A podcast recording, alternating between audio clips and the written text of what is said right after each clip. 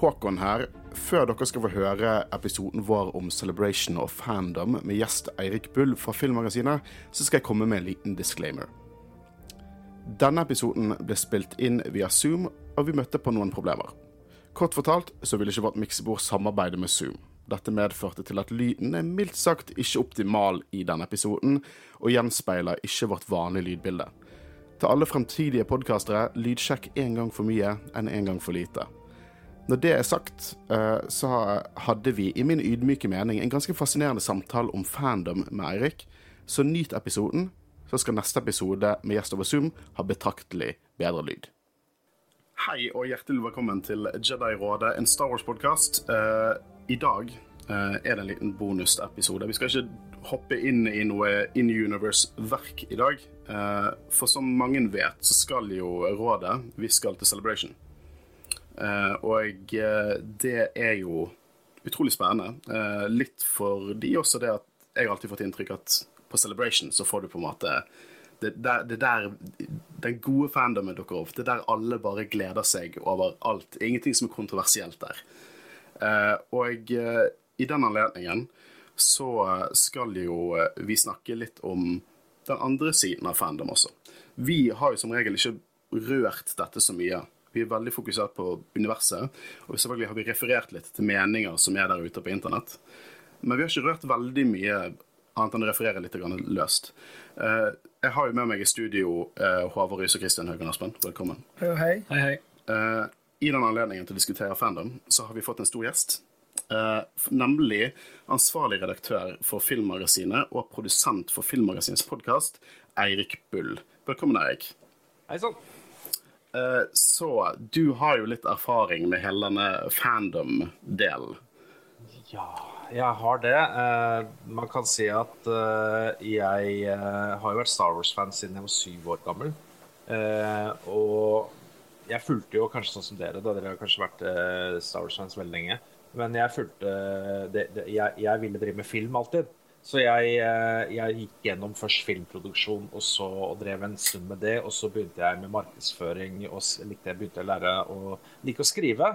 Uh, og, og, da begynte jeg å researche det er fandom som et uh, fenomen da, på en akademisk måte. Så spesielt interessert i psykologien i både positiv og negativ fandom. Og negativ fandom, da tenker jeg altså toxic fandom, da, som jeg tror vi skal innom. Og, så jeg, jeg, ser på det på den, fra både en sånn filmprodusents perspektiv, for det var jeg før, og en sånn akademisk perspektiv for å prøve å forstå hva som skjer, egentlig. da. Da er det veldig godt at du har kommet her til oss i dag. For det liksom vår bakgrunn eh, Jeg er IT-mann. Jeg oppdaget uh, gleden med lydproduksjonen da jeg studerte og ble med i studentradioen. Uh, Håvard, du holder vel på med Er det arkeologi? Arkeologi, ja. Og Kristian, du studerer fortsatt? Ja, jeg holder på å ta et uh, studie, men så jobber jeg fulltid i ja, så det, det, er liksom ingen lyd vi, vi, har på en måte vi funnet ut at vi, vi liker å produsere lyd, og jeg, for min del så oppdaget jeg det litt, litt for seint i livet. uh, men um, uh, dette her med fandom, som sagt, vi har på en måte ikke rørt det så mye. Det er litt sånn, det er litt radioaktivt. Det er. Det er litt grann radioaktivt. Uh, og jeg merker jo sjøl at jeg, jeg har på en måte lukket meg litt fra hele den delen. Jeg har ikke, jeg har ikke helt tørt. Jeg har unsubscribet fra ulike forumer fordi at jeg merker at det kan påvirke, meg, det kan påvirke min egen fandom litt negativt. Ja, og i tillegg så har vi jo i denne podkasten veldig bevisst eh, et fokus på liksom, den positive siden av fandomen. Um, det er jo ting som uh, vi liker mindre enn andre ting med Star Wars, men vi prøver liksom alltid å få fram det positive med det, og hva vi liker med det, og alt mulig sånn. Så det er jo ganske bevisst da, at vi ikke har lyst å være en del av liksom den toxice fandomen og det negative med det. Fordi Star Wars er stort, Star Wars er for alle, men vi vil på en måte få fram det positive med det. For min, min, den mantraen jeg er litt fan av, er det at eh, av og til så er det et valg å like. Og å like noe er betraktelig gøyere enn å hate på det. Eh, men som sagt, vi skal gå mye dypere inn på det eh, litt senere. For det at eh, første delen av denne bonuspodden vår er jo at vi skal snakke litt om Celebration. For der skal du også, Erik. Ja, det skal jeg. Jeg drar dit som journalist så med presseakkreditering, så da da pressepass, heter det vel. I det tilfellet pressearmbånd. Eh, så jeg blir jo skjeflet rundt da, og skal antagelig intervjue disse gjestene og sånn. Så du får alle godsakene, du, da? Jeg får første rad på panelene, og, og jeg har ikke hørt noen intervjuer ennå, men eh, jeg venter på Jeg og den andre norske journalisten som skal dit, vi venter veldig på å få, å få vite hvem vi kan intervjue. Så eh, der er vi eh, der er vi to fans som skal prøve å balansere jobb og fandom, rett og slett. Ja, det Jeg må si jeg er litt, grann, litt grann misunnelig. Um, før vi hopper helt inn i dette her Nå, nå sjøfler vi det litt rundt her.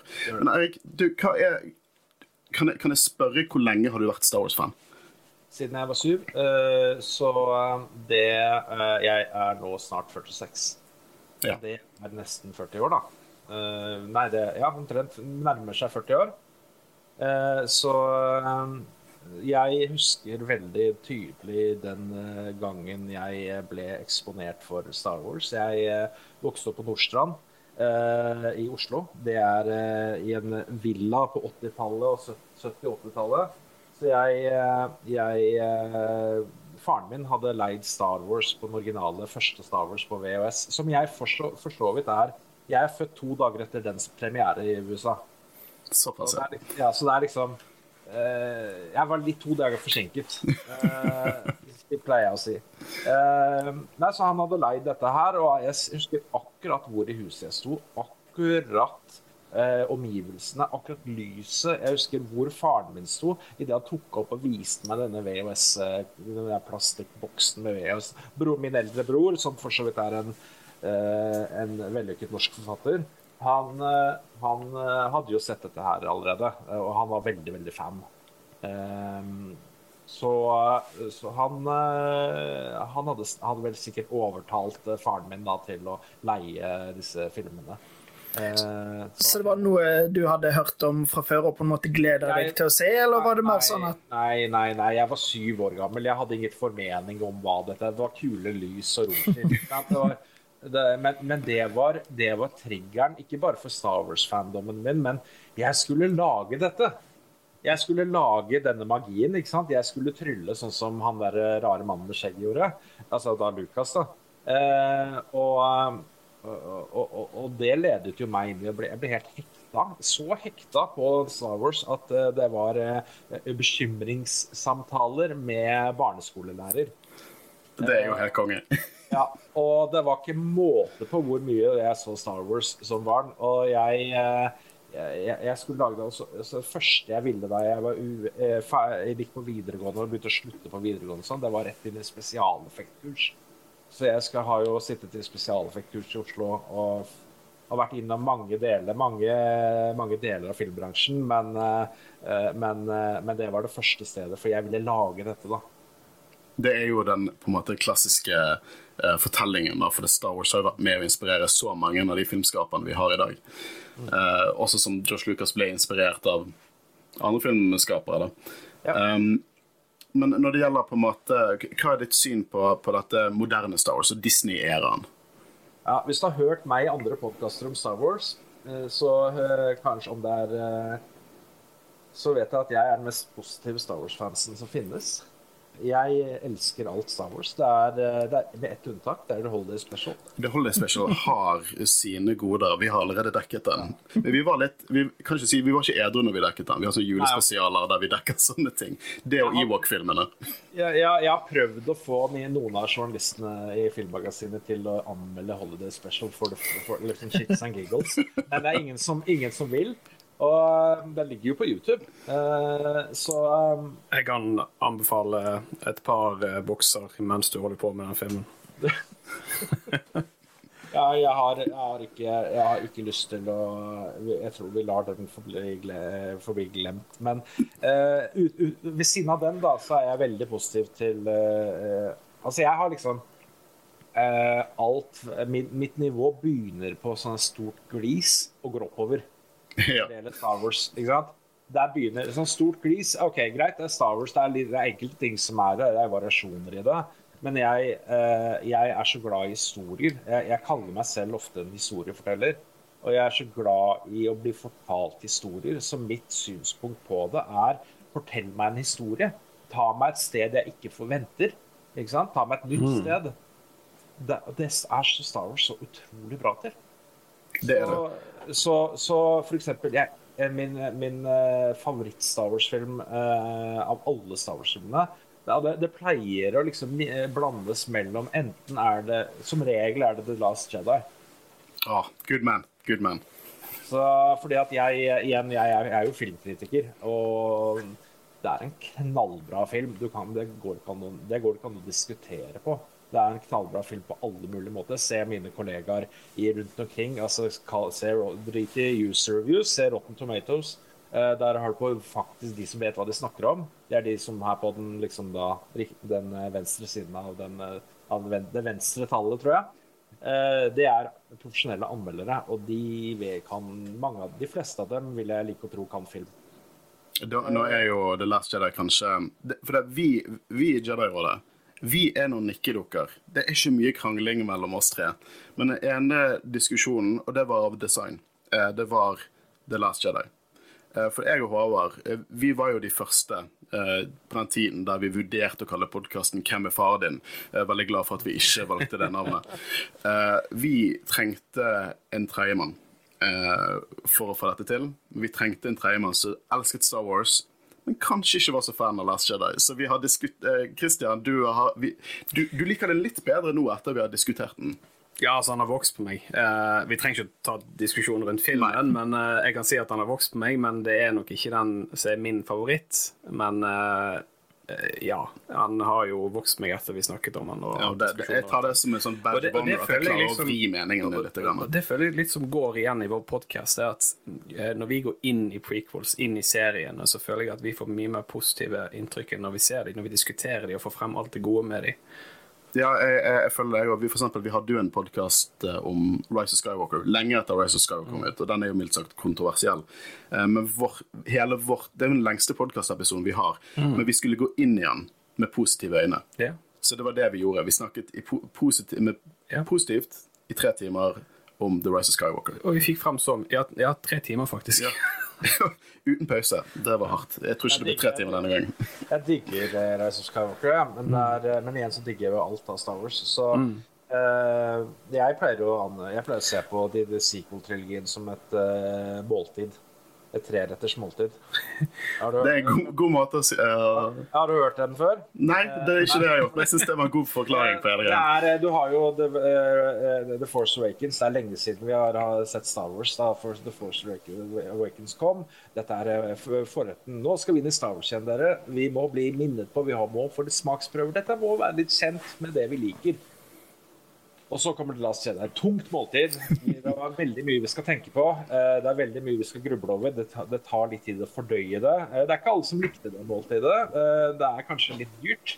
Og så kommer Rise of Skywalker. Det er desserten for ungene. Det er liksom eh, sukkerrushet, det er popkornen. Det, det, er det vi løper rundt på, på sukkerhus, og sikkert litt brisen også.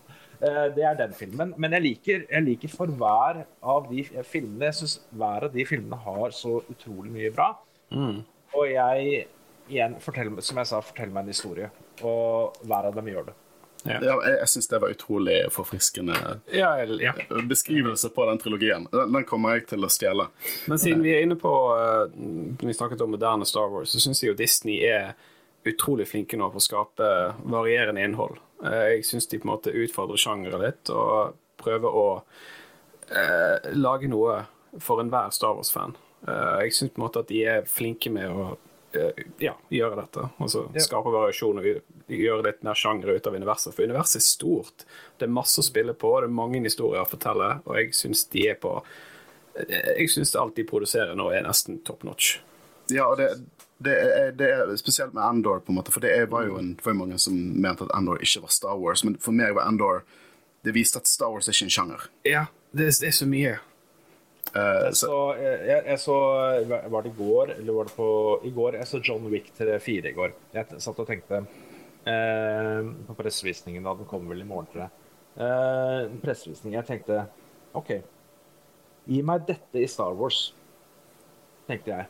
Gi meg sånn brutalt faenskap som det i Det er kjempegod actionfilm. Gi meg det i Star Wars. Jeg vil ha samuraier i Star Wars. Ja, det, og det fikk vi, vet du. Det fikk vi i Visions, for eksempel. Ja. Eh, jeg vil ha, altså Star Wars kan gjøres på så mange forskjellige måter. Eh, det er noen ting, noen ganger det gjøres på måter som er feil, eh, som ikke er passe Star Wars. Og det var et Og det, der irriterer jeg meg hvis det skal være noe. Det er ett eksempel jeg har. Ett eneste fra 11, er på elleve filmer og 18 serier. Det er når Robert Rodriguez skal prøve å lage Star Wars. Da går det galt. Eh, når du har inn det- mods, mods i, eh, Star Wars, i Book of Boba Fett, da går det dessverre galt. Jeg er veldig positiv, altså, men de modsene Fram med klipperen. Fram med eh, redigeringsprogrammet. Altså, Jeg syns det er litt kult at de får Robert Rod Rodriguez til å regissere en episode eller skrive. Jeg husker ikke hva han gjorde. Eh, Han men- gjorde vel alle han gjorde Han alt, insisterer jo på å Jeg sjøl. det er Altså, redigere det, det får meg litt til å ønske òg at hadde ikke det vært litt stilig hvis Quentin Tarantino tok på seg en episode av noe? Jeg føler Star Trek, litt sånn 60-tallet Star Trek, ja, jo- med jeg- hans vibe. Jeg kjenner jo, jeg kjenner jo produsenten av, eh, av Lord of the Rings-filmene, og, eh, og, og han eh, men det er, det er mange historier, og det er, det er, det er et eksempel her. Eh, apropos Quentin Tarantino. eh, Peter Jackson var jo veldig sånn at han ville Han var usikker, og det skulle bli tre filmer, det skulle bli to filmer. Han drev også diskuterte og forhandlet med Harvey Weinstein, ikke sant? Mm. Den Harvey Weinstein. Og til slutt så truet Harvey Weinstein Nei, drit i det. Nå, nå får jeg Tarantino til å gjøre Lord of the Rings. Og da, da, da, da brøt sammen Da brøt eh, dialogen egentlig sammen, og da eh, da ble det Peter Jackson, heldigvis. Da, for han solgte seg vel ut, husker, om jeg husker rett, han eh, Wernstein. Weinstein. Ja, det var, Ja. ja, det var artig. Det har jeg ikke hørt før. Nei, det er, eh, jeg er full av, jeg er full, For å si det sånn, jeg er full av sånne historier, så, Ja, det er gøy. Det er gøy. eh, så, så det, er, eh, det er bare å eh, Så vi, lever vi i feil timeline? Liksom, eh, ja, altså, vi fikk ikke oppdaget og opplevd Tarantinos 'Ringenes herre'-trilogi. Nei, nei det, vi, vi, ja, ikke sant. Jeg, hadde, det, jeg vet ikke hvor mye han, den trusselen var reell. Eh, men, men eh, Tarantino har jo eh, Det har jo vært snakk om lenge snakk om at han skal lage en Star Trek-film også. Ja, han hadde, Det var et manus han presenterte for JJ Abrams, stemmer det? Ja. Var, men ja, han er nok såpass profesjonell som regissør. Jeg er ikke så veldig fan av Tarantino, men han er, han er nok såpass profesjonell at han hadde holdt seg godt innenfor rammene. Og så hadde han hatt litt sånne quirks, ikke sant. Men jeg syns med Robert Rodriguez og Star Wars så er problemet at han blir, har for mange uh, Rodriguez-misms, ikke sant. Han har sånne Ro Rodriguez-greier som skal inn hele tiden. Eh, og jeg har ikke noe problem med at folk spinner rundt når du skyter blasterpistol. Jeg har, uh, jeg har problemer med at du tar ting inn fra uh, vår egen historiske på, populærkultur på 60-tallet eller noe sånt. Jeg kan ikke noe mods. Men uh, scootere som ikke har, ikke har noe plass på Tatooine, og ser ikke ut som de ser ut som de På, på et Korusant, kanskje. Så det var, eh, det var min lille rant om det. Jeg er enda, det er enda stort pris fra meg fra alle de episodene. Altså. Absolutt. Ja, Jeg fikk det, litt sånn uh, altså, Jeg husker vi snakket vi om det med. American Graffiti. Ja, at vi snakket litt om den filmen, at det var på en måte dratt litt uh, inspirasjon fra George Lucas sin American Graffiti. Ja. Jeg- Det kunne gjort på en bedre måte. Og skal si det, American Graffiti har jo, Filmen uh, inspirerer jo Star Wars masse allerede. Eh, så George Lucas han, han han har jo masse sånne hot roads og sånne ting og, som han var veldig opptatt av helt til han krasjet i et tre eller noe sånt. Eh, han har veldig mye av det i Star Wars. I alt av Star Wars. Det foregår overalt. Men trenger ikke å gjøre det så overtydelig. Nei, jeg skal, ikke, jeg skal ikke si meg vrang på at de, de stakk ut uh, som en svart Men jeg skal heller si at jeg var mer, litt mer likeglad til det. Jeg skjønte hva de gikk for, om de traff eller ikke. Det er jo mer diskuterbart. Men det er godt å høre at uh, som den store forsvareren av The Book of Boba som jeg er, så er det godt å høre at noen andre også har satt pris på den serien. Ja, jeg liker den. Jeg liker den. Ja, altså jeg, men skal jeg si at de to beste episodene er jo ikke Boba Fett med i. Nei, sant. Eh, Så Jeg tror kanskje en av mine favoritt-Mandalorian-episoder er Return of the Mandalorian fra Book of Boba Fett. ja, ja. Ja, og da har vi jo uh, Jeg holdt på, jeg var i New Zealand i tre uker i, eh, i, i, før jul. Uh, og jeg holdt på å dra til The Polynesian Spa. Eh, der hvor det står Jeg kjenner memen. Tam Morrison, ja. Ja, ja, jeg, jeg, han, vi hadde, han, han, var utenlands, da, men ellers så skulle jeg intervjuet ham. Uh, jeg var jo på jobb og reiste rundt i New Zealand, og, og da skulle jeg dratt, da skulle jeg prøvd å få han Møte han på Polynesian Spa. Så skulle vi hatt en samtale. Å, det hadde vært helt konge. Jeg, jeg, faktisk, jeg, eh, jeg er litt sånn usikker på alle de der photoshootsene du kan ta på Celebration. For jeg synes at det blir litt, litt, litt awkward. Men hvis Tam Morrison var der, så hadde jeg tatt en photoshoot med han. Fordi at eh, Mandalorians, Jango Fett, Boba Fett, det var min gateway drug til Star Wars. At jeg lever i en, i en, i en hverdag der jeg slipper å, å forklare folk hva en Mandalorian er. Det hadde aldri hadde, hadde gjettet det. Det var min villeste drømmer for, for ti år siden. Uh, så jeg, jeg lever drømmen uh, min. Uh, Mandalorian er som skapt for meg. Jeg tror jeg sa på vi dekket første episode av sesong én. Da sa jeg at John Favreau og Dave Filoni de, de satte seg sammen og så spurte de hva er det Håkon liker med Star Wars. Og så lagde de det. Jeg, skal jo jeg, skal jo, jeg kan jo dessverre ikke ta fotoshoots siden jeg er journalist, og det blir litt sånn uprofesjonelt for min del, men, det er, det er, eh, men jeg skal cosplaye, da. Du skal det? Ja, ja, Som John Favreau. Ja, konge. Jeg, var bare, vi bare jeg bare la ut bilde på Facebook. Ja, men det er jo deg, jo. Ja, OK, greit. Um, så da skal jeg krølle håret litt, se om jeg skal gjøre det før jeg drar. Og så skal jeg cosplaye som han, og så skal han NRK-journalisten finne seg en cowboyhatt, tror han. Så ja, konge. Helt konge. Eh, Håvard hadde jo planer om å cosplaye som den eh, clerken fra Book of Bobafett. Så skulle han gå bort til alle Bobafett-cosplayere og si at nei, du er ikke på listen. Altså, jeg prøvde jo å Eller jeg spurte om vi alle sammen Vi er en gruppe som skal dra. Om vi skulle eh, kle oss ut som eh, Jawa? en- eh, Ja, Jabba. Jabba? Stort ja, Jabba kombinert. Sant? At vi koblet oss sammen. Ja. Eh, min samboer, er kanskje. det- Hvor er det skal eh, bo? På hotell? Uh, vi har vel en Airbnb. Uh, vet du hva, jeg har, jeg, har, jeg har kontrollert så mye i denne podkasten med sånn liveshow og sånn, at nå tok jeg bare et, jeg tok et steg tilbake. Nå skal alle andre få lov til å bestemme. Ja. Så uh, vi skal, vi, jeg vet vi har et sted å bo. Eh, så jeg vet at jeg lander i London, og så vet jeg at jeg har tak over hodet når jeg legger meg den kvelden. Så da er jeg fornøyd. Men da kan vi hoppe litt mer inn i, inn i Celebration. Eh, hva er Star Wars Celebration? Ja, nei, altså Celebration er jo en uh, Før var det årlig, uh, mener jeg på. Uh, nå har det vært litt sånn sporadisk etter korona, men det er jo bare en, en stor celebration, som i navnet, av Star Wars og fandomen der. Og en stor møteplass for fans. Så ja. det, jeg merker at det er vanskelig Jeg må si at for min 60 år gamle mor eh, så lurte, Hun har spurt meg sånn tre ganger hva er det dere egentlig skal i London. For hun, hun, hun skjønner ikke det helt hva dette går ut på. Men det er jo som du sier en stor møteplass og mye annonseringer, og vis, de viser ting som ikke kanskje vi hadde funnet på internett. Spesielt litt kont eh, kontroversielt i år, da, at de skal jo visst ikke streame noe uh, over internett uh, for denne celebration. Jøss, det visste jeg ikke. Nei, så det, det har vært um, reaksjoner, naturligvis, Uh, rundt omkring på, at jeg er glad dette ble min første, da. ja, det, dette er din første, ja. For det var første også. Uh, det startet jo i 99, da promoteringen var uh, The Phantom Menace. Uh, og sist det var i Europa, var vel i 2016. Og da var Rogue One den store filmen som alle gleder seg til. Så vi, vi tenkte jo at neste gang dette var i Europa, så skulle vi slå til. Og så skjedde det. det ble, vi fikk jo så dårlig tid. Det var, jeg tror vi klarte en turnaround-tid på et par timer etter Oi, nå billettene kommer ut om et, par uker, nå må vi få alt i gang. Og så fikk vi det planlagt. Jeg fikk telefonen. Jeg, hadde, jeg, jeg var jo, jeg var jo eh, veldig klar på at eh, dere hadde sagt til, eh, sagt til Disney at jeg vil gjerne ta gjerne og dekke det. Eh, så tenkte jeg at nei, det skjer ikke, for jeg har ikke hørt noe. Så fikk jeg en telefon eh, om at eh, vi har skaffet billetter til deg til hele Celebration. men Har du lyst til å dra? så, Dumt spørsmål. ja, ja. Jeg måtte dekke, jeg måtte dekke fly og opphold selv, da, men fy søren, det var jo Dette her er jo jeg, hadde ikke treng, jeg trengte jo ikke å ordne tenke på billetter, og de, Disney gjør jo alt da med, som er på selve Celebration-greiene.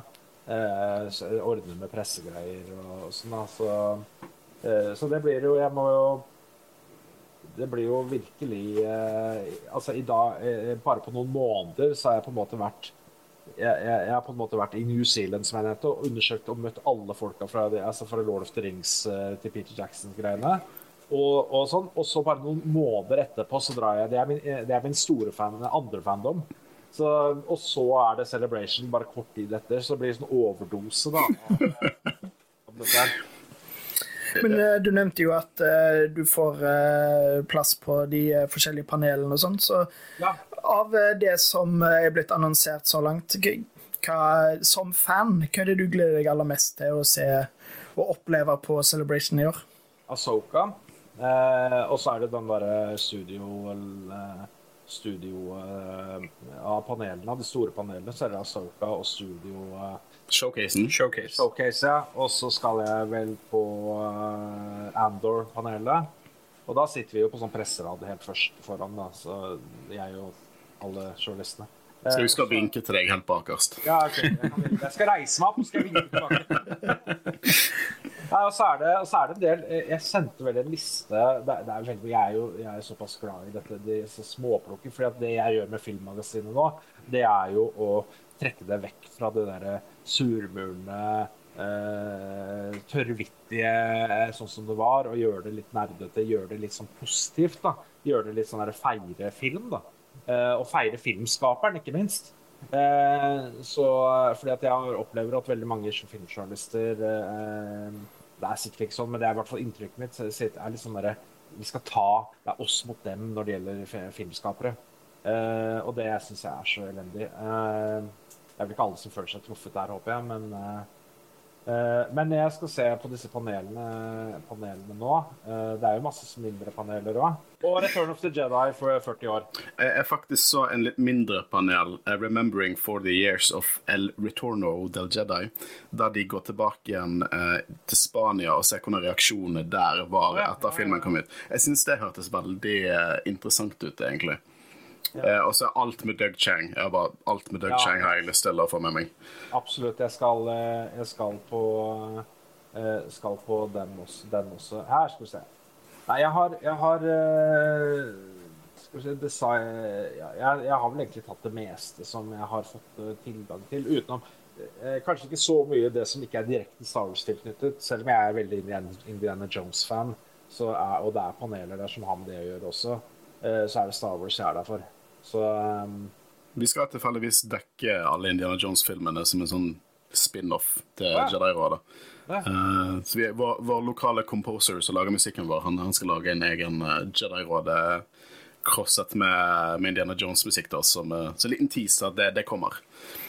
Nei, altså jeg ser jo fram til uh, Asoka og de, altså, Studio Showcase og, og, og Andor og, uh, og, eh, og den derre Kenobi, for jeg likte Kenobi veldig godt.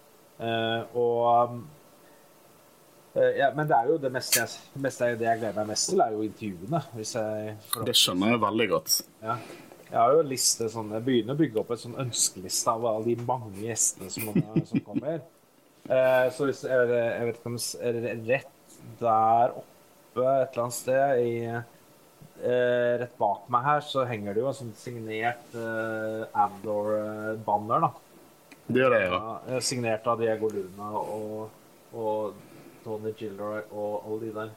Eh, og eh, det jeg kan tyde, i hvert fall, at de er, de er så stygge håndskrift, alle disse.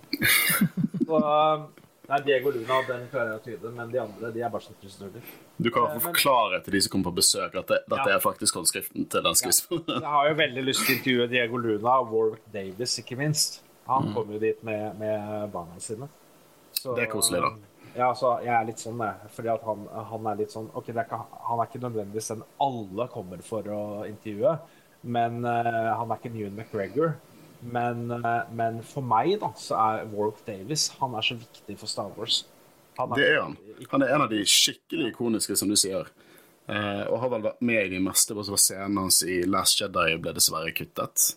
Ja. Eh, så det er vel den eneste store han ikke er med i. Jeg husker jeg ble så glad på hans vegne når jeg så han i, i, i Solo. Um, når han fikk lov til å vise fjeset sitt for en gangs skyld. Ja, ja, ja. Eh, og at han spilte da samme karakter som eh, vi så i Phantom Menace. Ja? Eh, De connectionsene, de, de bare, de bare de, Jeg elsker det. Jeg elsker hvordan canon knyttes sammen. Eh, jeg Ikke overraskende for, de, eh, for dere som kjenner meg, jeg gleder meg veldig til det panelet Bobafets costume history. Jeg garanterer dere, jeg vet alt som vi kommer til å si på det panelet, men jeg vil fortsatt sitte og høre det. Det, det, det gleder jeg meg til. Det å håpe å få plass på noen av disse. Men det er utrolig mange andre. Eh, Video games and their influence on Star Wars law. Nå har jo på en måte liksom, nye æraene av, av Star Wars-spill har jo vært litt sånn hit or miss. Jeg skrev jo en uh, Anmeldte jo Battlefront 2 uh, for uh, uh, Spillmagasinet, uh, podkasten jeg var med der for noen år tilbake igjen. Eh, og, da, og jeg er som sagt en veldig sta eh, positiv Star Wars-fans, men da måtte jeg dessverre si eh, ikke kjøp dette spillet. Uh, kjøp det når, det når det er ferdig.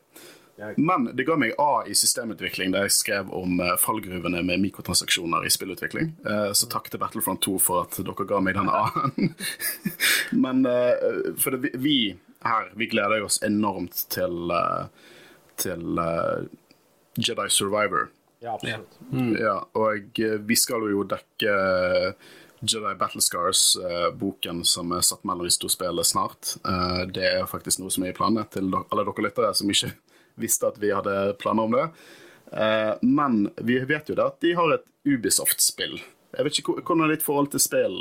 Jeg er gamer, jeg. Eh, Det kommer an på mye arbeid jeg har, selvfølgelig som til vanlig. Men i perioder så kan jeg finne på å spille når eh, Jeg mener, jeg har jo en gaming-PC, så jeg, som jeg bruker eh, Jeg gleder meg jo til eh, Jedi, nyeste Jedi-spillet. Eh, så jeg har spilt det meste av Star Wars-spill. Eh, altså nå, nå om dagen så spiller jeg noe helt annet. Sons of the Forest spiller jeg. Eh, Ja, Det er veldig gøy. du spiller det? Ja, nei, vi har spilt det litt på LAN. Jeg er med tre andre gutter, og det er veldig kjekt. Jeg syns det er så koselig at du driver med voksen-LAN. For det er bare, Selvfølgelig. Det er jo altså, det er bare LAN bare med øl. ja, det, Hæ? Er det LAN bare med øl? LAN med øl og god ja, snacks. Nå håper jeg det ikke var, nå håper jeg ikke det var barn du lanet til Songs of the Forest med. Nei, nei, nei, dette her er tre uh, likealdrende kompiser fra barneskolen som er Vi er, oppe, vi er i 30-årene, så Ja. Eh, Men eh, ja, vi prøvde det nylig første gang på Sistland, og vi fant ut at det var litt buggete, men det var et eh, bra landspill Relaxes Early Access. Ja, det er akkurat det. Så uh... Men jeg har jo lyst til å trekke frem én en ting som jeg tror ikke er nevnt, og det er Skeleton Crew. Det er jo Skeleton Crew. veldig interessant. Det har vi hørt lite om, føler jeg. De har jo ikke et panel dedikert til Skeleton Crew, og sist jeg så, så var det sagt at det skulle komme i 2023. Men de, de, de, de datoene endrer jo seg hele tiden. Det gjør de, men jeg jeg har lyst til å si at jeg, vi kan forvente noe eh, mye Intel på Celebrations i år også. Jeg håper vi får mye av det på eh, det der studio showcaset. Ja.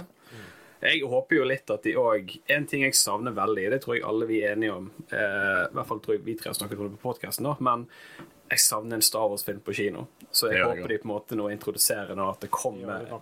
Og det, det, det er jeg veldig hypet på. Ta, så trekke det litt grann tilbake til dette med negativitet og, youtubere og den slags. Vi skal bli sikkert inn på det etterpå, men, uh, men uh, det, jeg glemte å nevne, er jo at uh, det er, Jeg syns det er veldig bra at dere gjør veldig sånn det positive, da. Eh, men en grunn til at det negative høres mye om det negative, er jo fordi folk, altså den negativitet selger på internett. Det negativitet, negativitet det genererer klikk. Det er så enkelt. Altså outrage genererer klikk. Eh, hvis, du har, eh, hvis du har noe å selge, og har en, f.eks. er en influenser, er en eh, opinionsleder eh, Nå klarer jeg ikke å snakke i dag. Opinionsleder. Så eh, vil du, eh, får du flere, eh, mer respons av å være negativ til noe. Og det er bare det er ren markedsføring, det. Jeg syns det er så trist, jeg. Ja, det er kjempetrist. Og det er vel kanskje det han derre Sour Theory eh, Jeg har ikke noe imot å harselere og rakke ned folk, men eh, som eh, i hvert fall ikke Altså youtubere og sånne ting. Jeg syns at eh, Jeg har ikke fulgt noe særlig med på han, men jeg hørte, det siste jeg hørte fra han, var dette med skruer og bursteiner og, og Og da har du, henger du deg opp i feil ting, altså. Ja. Men det, er, det er Star Wars full av. Full av fans som, eh, som eh, henger seg opp i eh, i ting de eh, Altså, jeg har en kollega eh, Jeg har en kollega i Filmmagasinet, han som eh, er Jeg tror ikke han har noe imot at jeg forteller dette her, men eh, så Jon Christian, hvis du, hvis du hører på dette her, så får du bare Jeg får bare beklage med en gang, men jeg må han, sa, han så den forrige episoden med Book of Boba Fett. Ikke den som gikk nå, men før der. Eh, hvor de var på Coruscant, og jeg syns det var en Mandalorian, mener du? Eh, ja, Man hva er det jeg sier? Ja, Mandalorian. Sorry. Han så den uh, forrige episoden av eh, The Mandalorian, der de var på Coruscant, og han sa på slutten av des, den der, uh, historien til Pershinga sa at han blir lagt i en sånn maskin, da. Ikke sant? Den derre mindflayer. Er? Jo. Og så, lagt, og så, så går han uh, Twi'leken som står der, og så går han ut, og så står hun igjen, og så Vi vet jo at hun er shady, ikke sant? Så, fordi det, det så vi komme fra milevis. Så da skrur hun opp den. Og da, da, da er dette her min kollegas eh, det jeg kaller det lyspære-hangup. Og det er grunnen til det er en annen, men det det er en lengre historie. Men eh, det er sånn han plukker på sånne ting som, som veldig få andre plukker på. Og så sier han jeg vil ikke se mer Mandalorian. Rett og slett. Da er jeg ferdig med den serien. Fordi, han mente at ingen Han som sto og jobbet der, ville aldri latt hun stå igjen alene. Fordi at det var feil i hvordan de gjorde ting der. Det var for dumt. Det var, det, så det, det var feil. Det er, serien er dårlig. Da slutter vi å se den. Det er sånne eh, For jeg husker jo det med Mandalorian når Boba Fett kom tilbake i, i The Tragedy i sesong to. Det var så mye snakk om hvorfor Mando ikke plukket opp jetpacken sin igjen. Det var utrolig mye fokus på hvorfor plukket han ikke opp jetpacken sin igjen. Utrolig dårlig skrevet. Det er det folk kaster ut. Ja. Dårlig skript. Dårlig skrevet. Jeg tror, ikke, jeg tror folk ja. folk har mistet eh, De vet ikke hva det betyr lenger. På samme at ordet filler, det betyr ingenting lenger. Det betyr at jeg likte ikke det, så filler. Mm. Eh, Poor, poor, poor writing. Eh, det er eh, terrible writing. Ja. Det er, det er, det, det, den, er, den blir bare slengt ut. Altså, dette er jo den der Dunning Kruger-effekten. Det er De som kan minst, de tror de vet mest. Så det er en psykologiteori. Hvor det, hvis, du, hvis du kan veldig lite om manus, f.eks., så tror du ofte du vet veldig mye om det. Og, så er det omvendt. da, det er en motsatt er imposter syndrom, hvor du da, de som vet veldig mye, de, de begynner å mistenke at de ikke vet noe i det hele tatt. Så få dårlig selvtillit på det. Men eh, ja, det er veldig mange som sitter sånne internettsynsere som sier at det er forferdelig manus. Så Jeg føler ofte så er det Det må jo være omtrent sånn at de bestemte seg på forhånd eh, at de ikke skulle like det, og så bare plukker de ut ting som de, som de kan bekrefte hvorfor de ikke liker det. Ak akkurat som han med han youtuberen som snakket om skruen og sånn. At eh, jeg føler at når det er sånne ting de henger seg opp i, så er, hadde de bestemt seg på forhånd at dette ville de ikke like, og derfor så bare leter de etter ting å ikke like. han blir jo latterliggjort lang vei da, i, på, på Twitter. og sånn. på- Ja, det er bra. Hvor du, ser, hvor du zoomer inn på, eh, på For The Force Awakens eh, sånn eh, promotion poster. Zoomer du inn på Ray. Hun står der med staven sin. Eh, ja, der var det en skrue! der, der var den. Der var den. Der, det var strammet. Jeg syns det er en god eh, bro inn til å, å, virkelig gå inn på dette med fandom. Eh, Jeg har lyst til å trekke inn eh, Ahmed Best, um, som dukket eh, eksplosivt opp i nyeste episode av eh, The Mandalorian som uh, Kelleran Back. eh, en karakter som er jo fra Jedi Temple Challenges, som er et sånt barneshow, da. Eh, men det er jo en skuespiller som har et, eh, et sårt forhold til Star Wars, der uh, denne toxice fandomen også påvirket uh, hans syke, og dette var jo snakk om selvmordstanker og hele pakken, og å se at han kommer tilbake igjen der jeg ser folk sier at det er hans red eh, redemption arc, men jeg føler ikke at Nei, det er ikke hans redemption arc. Jeg vil ikke si det der, for han trengte ikke en redemption arc. Uh, men det positive er å se hvor mye fans bare er hypet over å se han igjen. Uh, og det ga meg nesten en gledeståre eller det ga meg en gledeståre å se han dukke opp der. Jeg tror det, det Vi, vi drev og spekulerte hvem er det som reddet Grogu. Eh, og eh, dette her overgikk alle mine forventninger eh, på det, og det er så kjekt å se at den blir godt tatt imot. Eh, men dessverre så er jo The Star Wars-fandomen Den tiltrekker seg en sånn høylytt minoritet, og, og eh, veldig mye aggressive fans mot skuespillerne, som egentlig ikke har så mye med dette her eh, å gjøre. De bare gjør jobben sin. Ja. Så det er jo litt interessant å snakke om hvorfor, hvorfor, hvorfor er det dette som skjer. Ja, skal jeg forklare det? Absolutt, det er derfor du er. Eh, nei, du hadde jo så mye av det samme med Moses Ingram også etter Kenobi. Eh, du, hadde, du har veldig mye De, de plukker ut én, som eh, de virkelig På hver, hver ting som blir sluppet, så plukker de gjerne ut noe som de hater. Eh, men, men fandom, det er jo eh, Hvis man skal gå helt liksom, i røttene av hva fandom er, så, skal man jo, eh, så er jo fandom identitet. Altså det når noe blir identitetsformende, eller da identitetsgivende, så bygges det en fandom.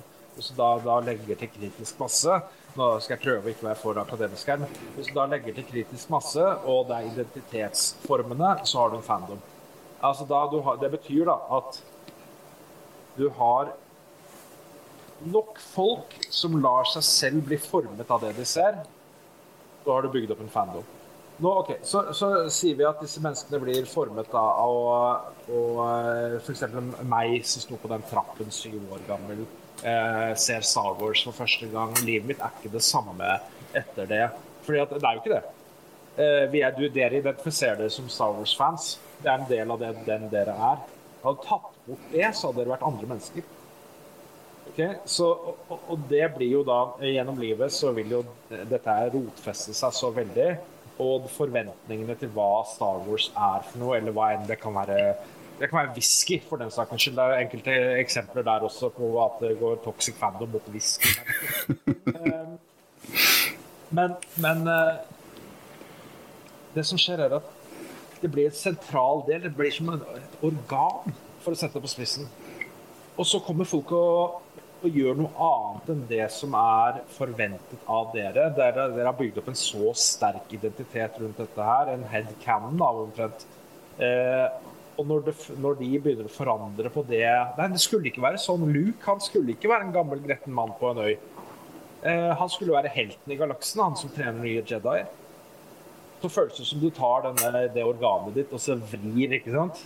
Fordi at nå, er det, eh, nå blir det en sånn derre eh, sånn clinch mellom hvem eh, du er, og hvem du føler kanskje du burde være. Og det, reaksjonen er eh, raseri. Et, stort, et godt eksempel på dette er jo Bobafett i The Book of Bobafett. Ja. Her har du en karakter. Og det har vært mye Det har vært i hvert fall litt utforskning av han i, i nye canon i tegneserier, spesielt, og litt i bøker. Men du har jo en karakter som 99% av alle som ser Book of Bobafett, og eh, mesteparten av de som kritiserer Book of Bobafett, går vekk fra hva Bobofet var. Han var, han var ingen. Han, han var en kul dusørjeger. Det kuleste han gjorde, var å, å si tilbake igjen til Vader. liksom Så svarer han litt sassy. Det var det, var det kuleste Bobafett gjorde, annet at han så dritkul ut. Så nei, det er ikke, De endret ikke på noen karakterer. Det er ikke noe som ikke matcher der. De ga en, en karakter som hadde usedvanlig lite karakter i der han var med, og så ga de han mer karakter. Og der er det folk som har skapt denne headcan. Hvem er Bobafett? Og hvis ikke det matcher til den dit mente Bobafett var, så begynner folk å få helt panikk. Ja, så da har du, da du grobunn for, for den der klinsjen mellom hvem man er og hva man føler kanskje For hvilke forventninger? Man, man, eh, man føler blir satt opp til seg. Eh, så eksempel The Last Jedi er jo et kremeksempel. Jeg, jeg digger jo den filmen fordi at jeg, eh, jeg vil bli utfordret. Jeg, ønsker, jeg leter etter de der historiene. Jeg leter etter det derre OK, jeg, jeg vil ha min fandom snudd på huet. Eh, jeg vil få de overraskelsene i, eh, i, eh, i historiefortellingen. Jeg vil ikke at det skal bare være altså hadde, Jeg mener at Luke hadde Luke bare fortsatt å være Luke etter Return of the Jedi i 30 år, eller hvor lenge det er, så hadde det vært kjedelig.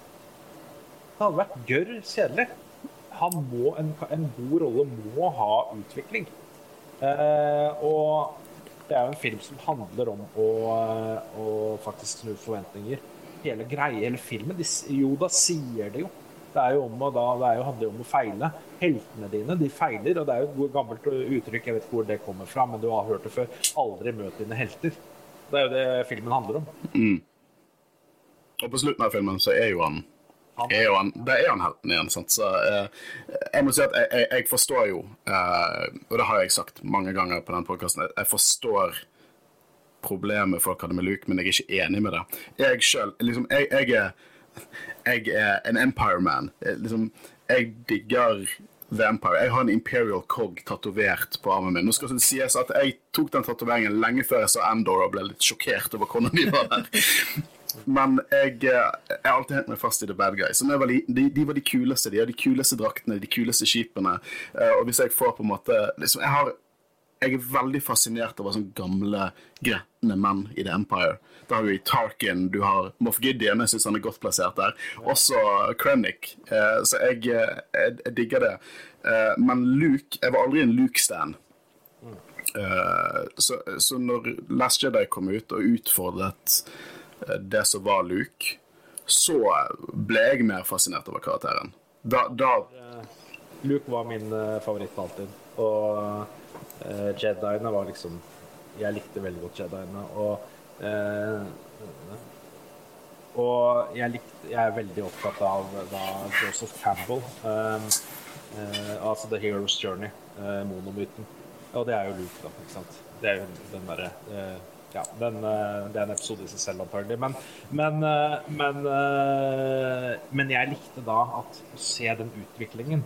Den der, at selv den største helt kan fortvile. Og fy søren så han fortviler. Og, han, og Mark Hamill er jo den fenomenale skuespilleren. ikke sant? Nå kan du jo se at uh, folk henger seg opp i at han Mark Hamill ikke likte, uh, likte den, hvordan rollen, hvilken vei rollen gikk. Det er jo drivstoff for uh, enhver toxic eh, fan som hater Last Jedi. Han, han, men jeg tror, skal, jeg tror toxic fans og fans generelt skal, eh, skal være forsiktige med å ta hva skuespillere sier ut av sammenheng. Eh, fordi man sitter til å se, at, eh, se, se eh, hvordan skuespillere snakker, og, og, og, og hele, hvor du får høre hele samtalen sannsynligvis blir det noe av resultatet da noe annet enn sånne soundbites man får på YouTube som er 30 sekunder lange. Så eh, Som da har en sånn catchy, eh, catchy eh, overskrift med noen store bokstaver. Så, for å få fram det skandalen, det negative. Det, det, klikk her. Ja, eh, jeg, Du sier jo dette her med den monomyth alt dette her. Og du sa noe til meg, for vi, vi har jo snakket litt eh, med hverandre før vi, vi nå sitter og spiller inn. Eh, men du snakket litt om at du fant paralleller til fandom og monomyten. Ja, ja. Kan du gå litt inn på det? Ja, eh, fandom eh, Det er jo dette med identitet. Og nå, nå, er jo dette er selvfølgelig Folk kan være uenig eh, men, eh, men eh, det handler litt om at uh, Anomon-myten er jo Hvorfor er den dukker den opp da i alle kulturer? den typen måten å fortelle en historie på. Altså Monomyten, altså The Hero's Journey, er, er rett og slett Luke i, i, en mindre skala. Luke i kun den første filmen, fordi da George Lucas han tenkte ikke at at Monomyten skulle være Det skulle bare være den filmen. Han trodde ikke det kom til å bli mer, flere filmer, fordi at dette her er Hva var det han sa? Han tro, George Lucas sa vel Nei, jeg tror, det, jeg tror folk syns det kommer til å være litt teit.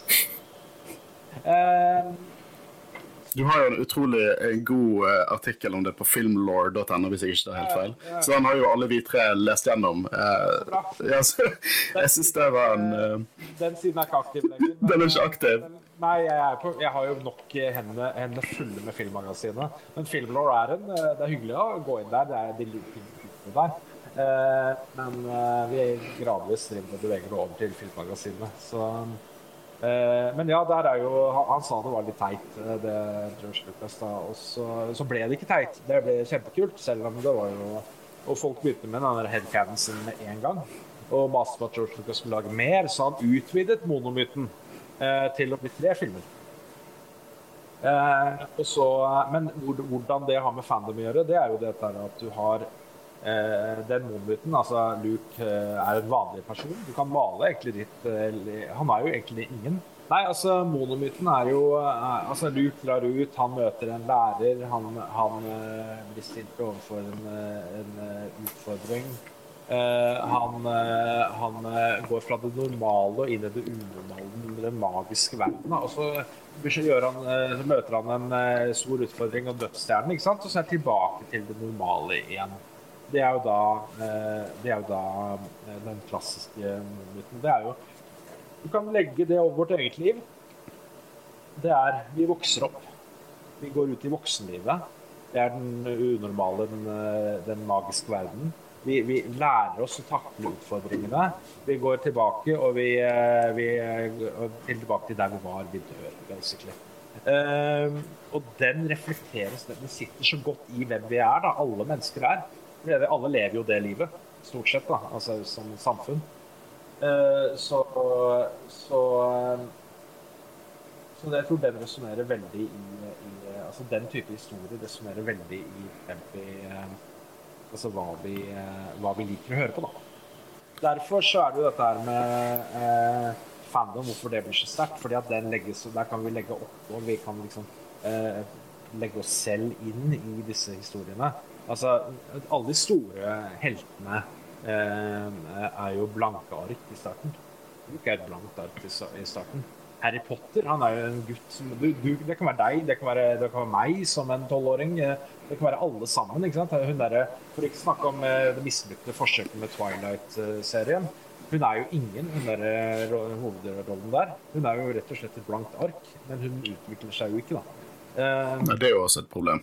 Ja? Men du må utvikle deg, og da kan vi da hekte oss på det og bli med videre, så det blir så sterkt for oss da, når det skjer.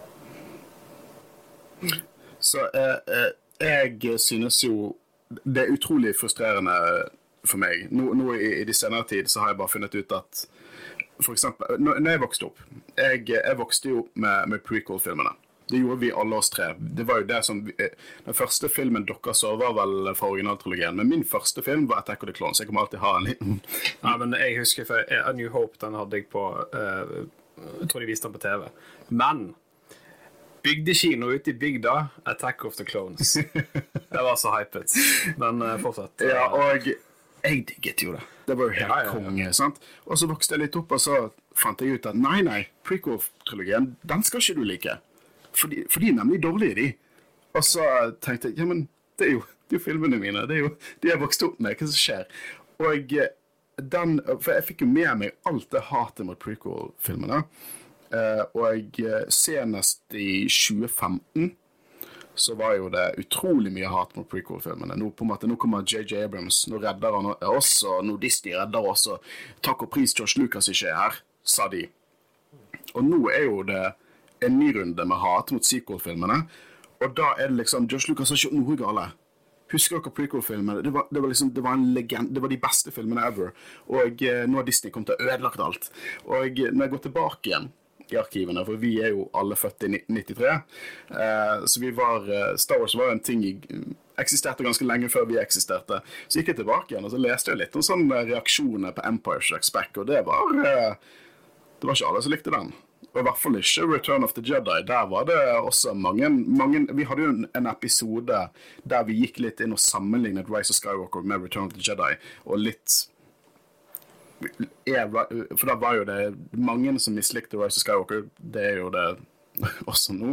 Men vi sammenlignet litt i filmen, og hvorfor folk ser ja, det er nettopp det. For det, den mangel på selvinnsikt eh, til mange av de som sitter og diskuterer, det frustrerer meg. For at, at de, ikke, de, de ikke ser at de, de bare, de, dette er historien som for tredje gang tar og gjenforteller seg sjøl i fandomen. Og det syns jeg er interessant, og utrolig frustrerende. Nei, jeg, jeg sier det ti år, som sagt. Eh, Jeg, jeg kan banne på at da, da vil Rise of Skywalker være kjempepopulær eh, om ti år fra nå. Og ting går jo bare i en sirkel, så om ti år, når de slipper enda en ny trilogi, så kommer folk til å hate på det igjen, vet du. Ja, ja. Det er sånn det er. Det, er det, som, er, det som er tipset, da, fra, hvis man skal, eh, skal høre tips fra, fra, fra onkel Eirik her, så det dere trenger å gjøre, er jo faktisk eh, bare ikke ta det så tungt. Og bare bli med på de historiene som vi har snakket om. Og bare Det er ikke så viktig. Det er tross alt bare historier. Og de er til, der til å ha Du skal ha det gøy med dem. Så, Jeg, jeg er helt enig, og det er vi hele tiden sier. For eksempel, jeg, eh, jeg elsker at Star Wars Visions er en ting. Jeg bare, jeg bare digger at det er en ting. For min egen del så var det en litt mixed bag. Noe syns jeg var utrolig bra, noe så var ikke jeg så glad i. Eh, men det jeg satt igjen med, var bare det at dette er fantastisk at det eksisterer. Fordi at dette bare gjør at, at det er så mye forskjellige sjangere. Litt som Andor. Det, det, det er flere folk som kan komme til Star Wars-universet og like ting. Og nå er det så mye forskjellig i Star Wars-universet at du kan ikke bare avslutte din fandom fordi du ikke liker det nyeste prosjektet. For da kan det hende at det kommer et nytt prosjekt rett rundt hjørnet som nest, nærmest er skreddersydd for deg. For det, man, man Nå er jo vi noen av de som bare oppsluker alt av Star Wars og bare vil ha absolutt alt, men alle er jo ikke sånn. Men det viktigste er at man ikke tar det så tungt, sånn som du sier. Liksom, om du ikke likte Book of Bobafett, betyr ikke at du ikke liker Mandalorian. Det er ikke et krav å like alt. Um, så det er bare å, det er bare å igjen ikke ta det så tungt. Jeg elsket Andor, f.eks. Uh, den var helt fantastisk. Men igjen, så, så jeg liker alle de seriene. Og, og eh, det er jo episoder i Clone Wars f.eks. jeg ikke syns er det, og Story Arcs der det noe som eh, en sånn liten dude med en liten general eller sånt, og, og, og, og tre og masse droids som går og går over ørkenen. Jeg syns kanskje ikke det var like vellykket. Men Den er infamous i denne podkasten, akkurat den arken. ja, men igjen så kommer etterpå så kommer det, det, noe av det mer geniale, altså det siste eh, Yoda som reiser ut for å finne kraftens kilde eller noe sånt. Det er jo helt fantastisk etter å ha sett sånn syk og sett sånn visjon. ikke sant? Eh, den story-arken der syns jeg er kjempebra. Hvor, eh, hvor eh, Mark Hamill spiller Darth Bane, eller visjon av Darth Ja, den er helt konge. Den, den på en måte den utdyper så utrolig mye The Force, og eh, mange av teoriene våre og det vi har diskutert Vi, har jo, vi hadde jo en hel episode der vi diskuterte hvordan Ray var en del av The Chosen Ones, og hvordan det fungerte basert på Mortis-arken fra Clone Wars. Ja, jeg tror, ikke, jeg, jeg tror det er fint ikke Jeg glemmer meg veldig til Asoka, som sagt. Jeg, jeg, vurderer, har lenge vurdert å få en Loft Wolf tatovert. Så det er, hvis det skal være en, eh, være en Star Wars-tatovering Så jeg har bare en the Rings-tatovering nå. Men, eh, men eh, jeg liker veldig godt Rebels, da. Eh, Ja. Så, eh, og hele den eh, Men igjen så liker jeg, liker jeg mye Clone Wars også, tidligere, spesielt de senere sesongene. Hvor det virkelig blir litt mer voksent og sånn. Men igjen, jeg, når det ikke er Når det ikke er akkurat for meg Jeg liker det for det. Jeg liker det som du sier. Jeg liker at det eksisterer. Så Visions Jeg var jo på, radio, jeg var jo på NRK P Studio 2 for å snakke om eh, Visions da den kom. Eh, og eh, selv om jeg syns ikke jeg synes, Det var sånn mixed bag som, som eh, er enig med det. Jeg er veldig eh, hypet på sesong to, da, når de utvider litt fra anime. Uh, Wallace and Grump Gromit. Gromit. Nå har jeg ikke uh, det selskapet i hodet, men jeg er utrolig spent på hva de gjør. Ah, ja. Altså, jeg gleder meg utrolig mye til det. Det blir vel noe sprell, men det er Men, men jeg, ja, det skal jo være panel på Star Wars Celebration for det også, tror jeg. Så Men det, det jeg kunne, det jeg kunne for, for å ta dette med fandom og ta det og sette det i en Jeg nevnte innledningsvis en ganske enkel modell man kan eh, kartlegge det på. Eh, eh, hvis jeg, dere er interessert i den? Absolutt. Fyr løs.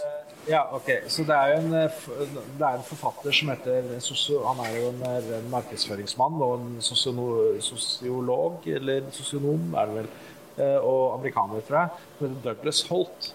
Han, han, er, han hadde en modell som Jeg husker ikke akkurat navnet på den, men, han, men den beskriver da enhver hvert eh, strukturen rundt en eh, merkevare, slik som Star Wars, som et sånn sosialt strukturert nettverk.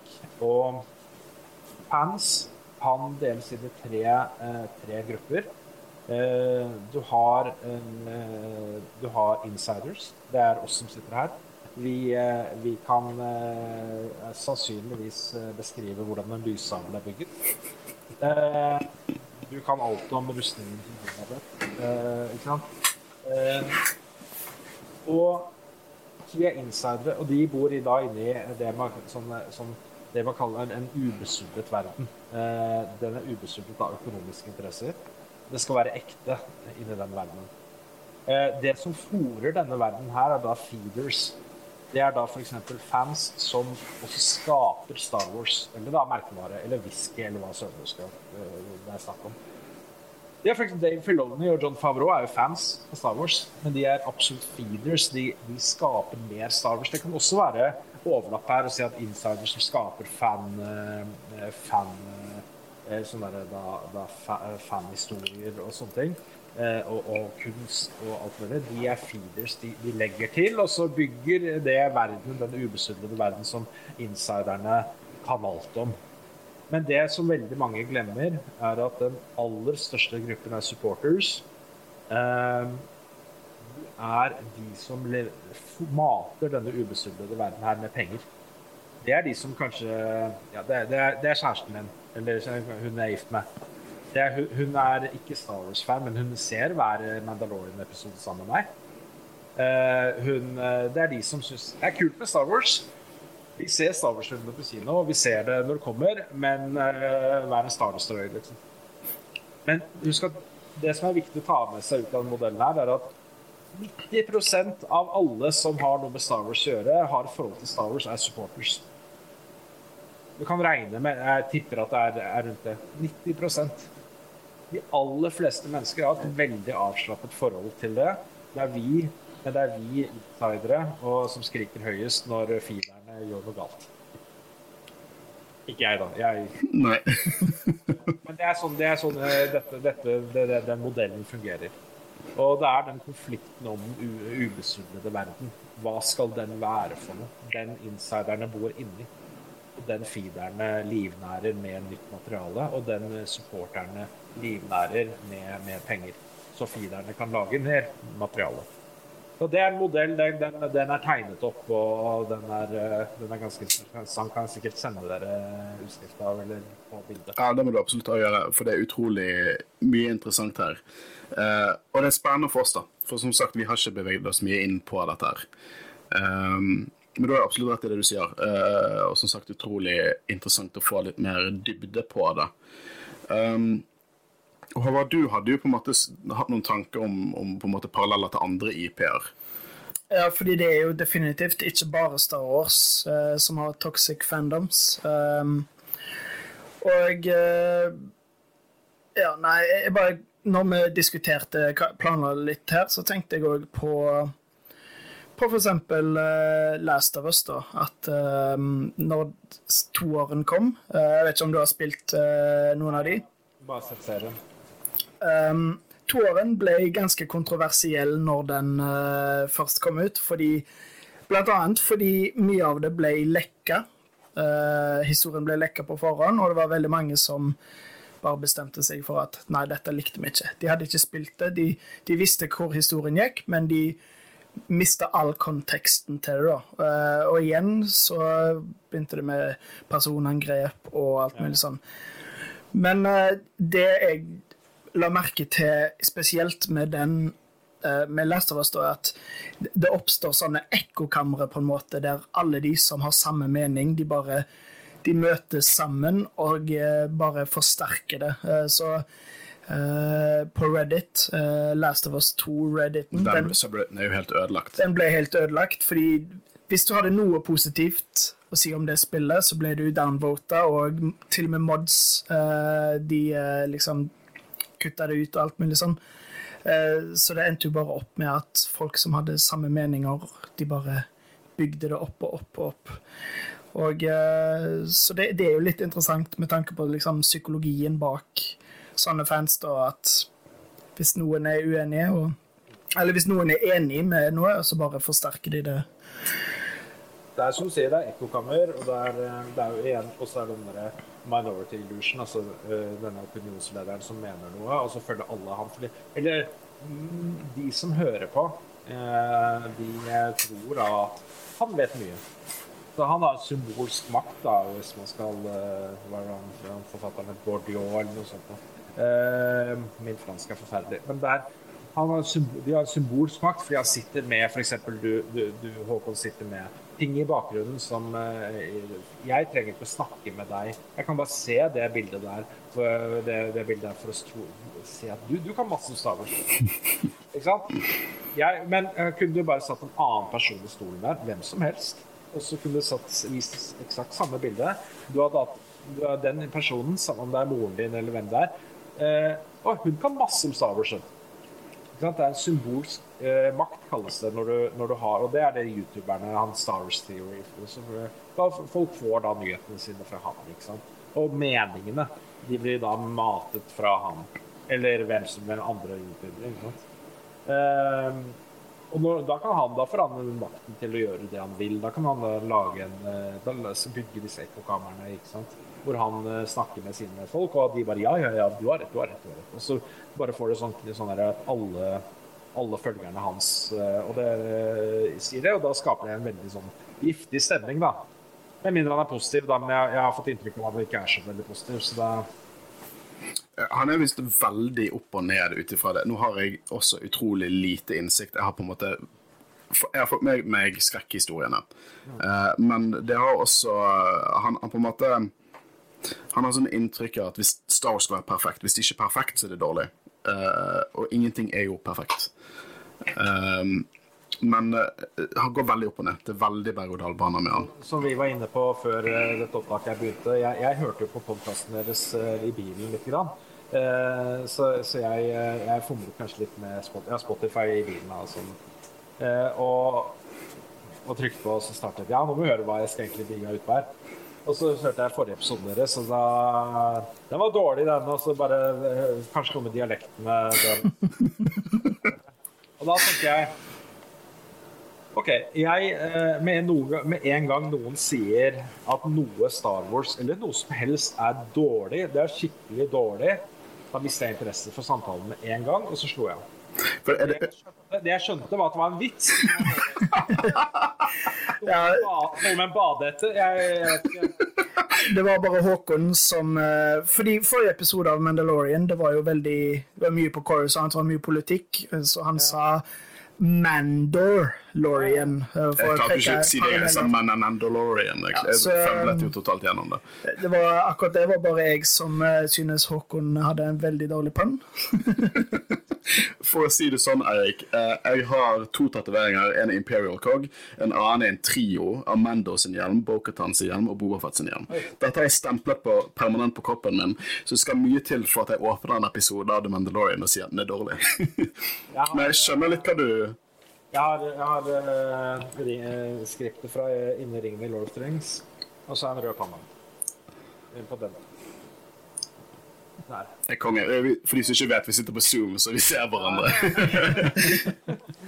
uh, men jeg skjønner litt hva du mener, for jeg har blitt litt uh, allergisk mot det er greit at folk ikke liker noe, men jeg vil, høre, jeg vil, høre, det litt konstruktivt. Jeg vil ikke høre at noen sier 'det er dårlig'. Og jeg har merket det når jeg diskuterer med kompiser. Hvis noen sier 'nei, den filmen, den søg', uh, så er det litt sånn Kan ikke du heller forklare meg hvorfor du ikke likte den? Uh, Istedenfor bare diktere at 'dette her er dårlig'. Jeg har en regel jeg nå, da, som jeg har fått etter, spesielt etter jeg skrev den oppgaven som jeg sendte dere nå, faktisk. Og regelen min er at jeg diskuterer ikke Star Wars. Rett og slett, jeg diskuterer ikke eh, kvalitetene med Star Wars.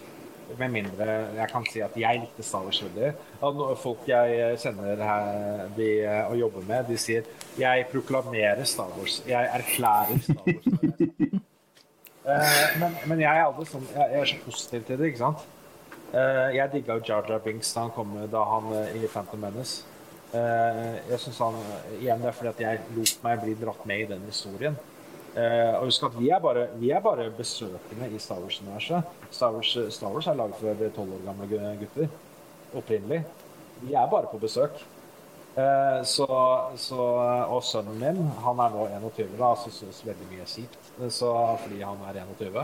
Uh, han, men han syns sikkert ikke Jar Jar Binks er noe kul nå, men Eller men, men eh, jeg tror vel at Nå mista jeg tanken min her. Eh, Ja. Igjen, vi er på besøk. Jeg, jeg, min, min tilnærming til dette, det har jeg sagt før jeg kan, jeg kan, diskutere film. Jeg kan diskutere masse med film. Jeg kan diskutere det tekniske med film. og alt det der. Jeg kan ikke diskutere Star Wars som film. For Star Wars er ikke film for meg. Star Wars er som du sier, det er et univers som jeg liker å bare utforske og få med meg. Så hvis folk har lyst til å Det er mange som diskuterer Star Wars i min retning. Uh, men uh, hvis jeg hører noen hvis jeg hører noen prøve å sånn, spørre meg hva synes du om sequel-trilogien, så refererer jeg til podkasten min. Da sier jeg det er mange timer med diskusjon her. Du finner oss på alle dine podkasttjenester. Jeg gidder ikke diskutere nå, no offense, fordi at eh, Nei, jeg har ikke interesse i det. Jeg har en historie der. og det er eh, et, Kort tid etter jeg leverte den oppgaven i mark Jeg har filmutdanning og markedsføringsutdanning som er tok senere. da Eh, i, i 2018. Det var den der eh, fan, da var det, jeg ble veldig opptatt av fandom som, sånn akademisk. Da. Og da, da var jeg på en fest, husker jeg, og, i Oslo. Og på, et, på Deichmanske bibliotek i Oslo. De hadde forlånt biblioteket. Og, og da, kom, da var det masse jeg ikke kjente. Og så var det noen jeg kjente. Men da kommer det en fyr bort til meg som jeg aldri har snakket med før. Det har vært litt øl, og det har vært litt sånn. Og sånn slenger han seg ned ved bordet. Jeg sitter og snakker med en kompis. Så slenger han seg ned ved bordet og, eh, og sier 'Hvorfor hater du The Last Jedi?' han hadde hørt at jeg hadde skrevet en bacheloroppgave eller noe sånt om eh, da, Kanskje han hadde hørt noen har fortalt det, for han må ikke bare tilfeldigvis gå bort til folk og, og, si det. Men han gjorde det, var, det var nært på. Altså. Han, satt seg, han gikk bort til meg. Han hadde tydeligvis sett meg, da. Og så han, at han kan jo Star Wars engang. Så han gått bort til meg, så han satt seg ned der og så 'Hvorfor hater du?' Og så jeg Hva? Jeg, jeg hater ikke Last Jedi. Jeg, jeg, jeg elsker den filmen. Jeg. Det er virkelig en av de store Star Wars-filmene. Og han ble rød i ansiktet. Ordentlig sånn derre Hvis det hadde vært tegneserie, så hadde det kommet så røyk ut av ørene. Helt sånn derre Ja, men det er jo forferdelig! Og da kommer han, ikke sant? It's poor writing. Da kom den det er en forferdelig manus. Det er forferdelig. Ja, men du, også, eh, og da kommer jeg i den der eh, posisjonen at han er jo tydeligvis ikke da min ikke, Igjen ikke være blærete, men han har tydeligvis da ikke min bakgrunn i filmfaget, eh, som jeg har utdanning som produsent. Og det. Eh, han har ikke det. Skal jeg nå bare gi han en bredside med filmfag? Det hadde jeg gjort. Ja, jeg gjorde ikke det. Jeg, jeg ble Da er du en, en større mann enn meg, altså, for det hadde jeg gjort. ja, ikke sant? Fordi at, fordi at manus jeg, jeg, jeg, skriver manus på fritiden, og det, det er, det er riktignok ikke et Star Wars-manus, men, men uh, og jeg, jeg, puster og, og, og, lever og puster og spiller film, ikke sant? film og serier. Og, og han, han, han blir så Alle vennene hans hater Last Jedi. Og bare ja, men alle vennene Jeg tenkte alle vennene dine er ikke Det, det er kanskje bare få mennesker sammenlignet med alle som liker Star Wars. Så jeg ble reddet av kompisen min, da, for han uh, måtte bli kjørt hjem. Jeg hadde ikke drukket, så det hadde han, så han måtte bli kjørt hjem da. Og da uh, Ja, så da skjønte han at jeg var liksom der. Det er, det, er altså så ekkokammer, da. Det er, det er hos noen at i deres verden så er det Du kan ikke gjøre annet enn å hate, hate The Last Jedi eller hvilken som helst. Eller, eller uh, Kenobi, da, ikke sant? eller hun uh, Moses Ingram i Kenobi. Eller, eller Jar Binks. Eller bare plukk en eller annen den som er liksom populær å hate noen dager. Du kan jo på en måte nevne Rose. Hun spilte Rose, fikk jo mye, mye kritikk. Mye, ja det er hvorfor det. Altså, det var jo, det var jo hun, hun, passet ikke inn med den stereotypiske Altså, hun er en attraktiv jente, hun. Hun, men hun passet ikke inn med den, den der, men se det typiske eh, kvinnefiguren som eh, som, eh, som, kanskje toxic fans, veldig spesielt mannlige toxic fans, ville ha. Eh, hun er en liksom nerdete eh, altså igjen woke. Det er veldig mye wokeness da i den. Det er også et ord som har mistet all mening. Helt riktig.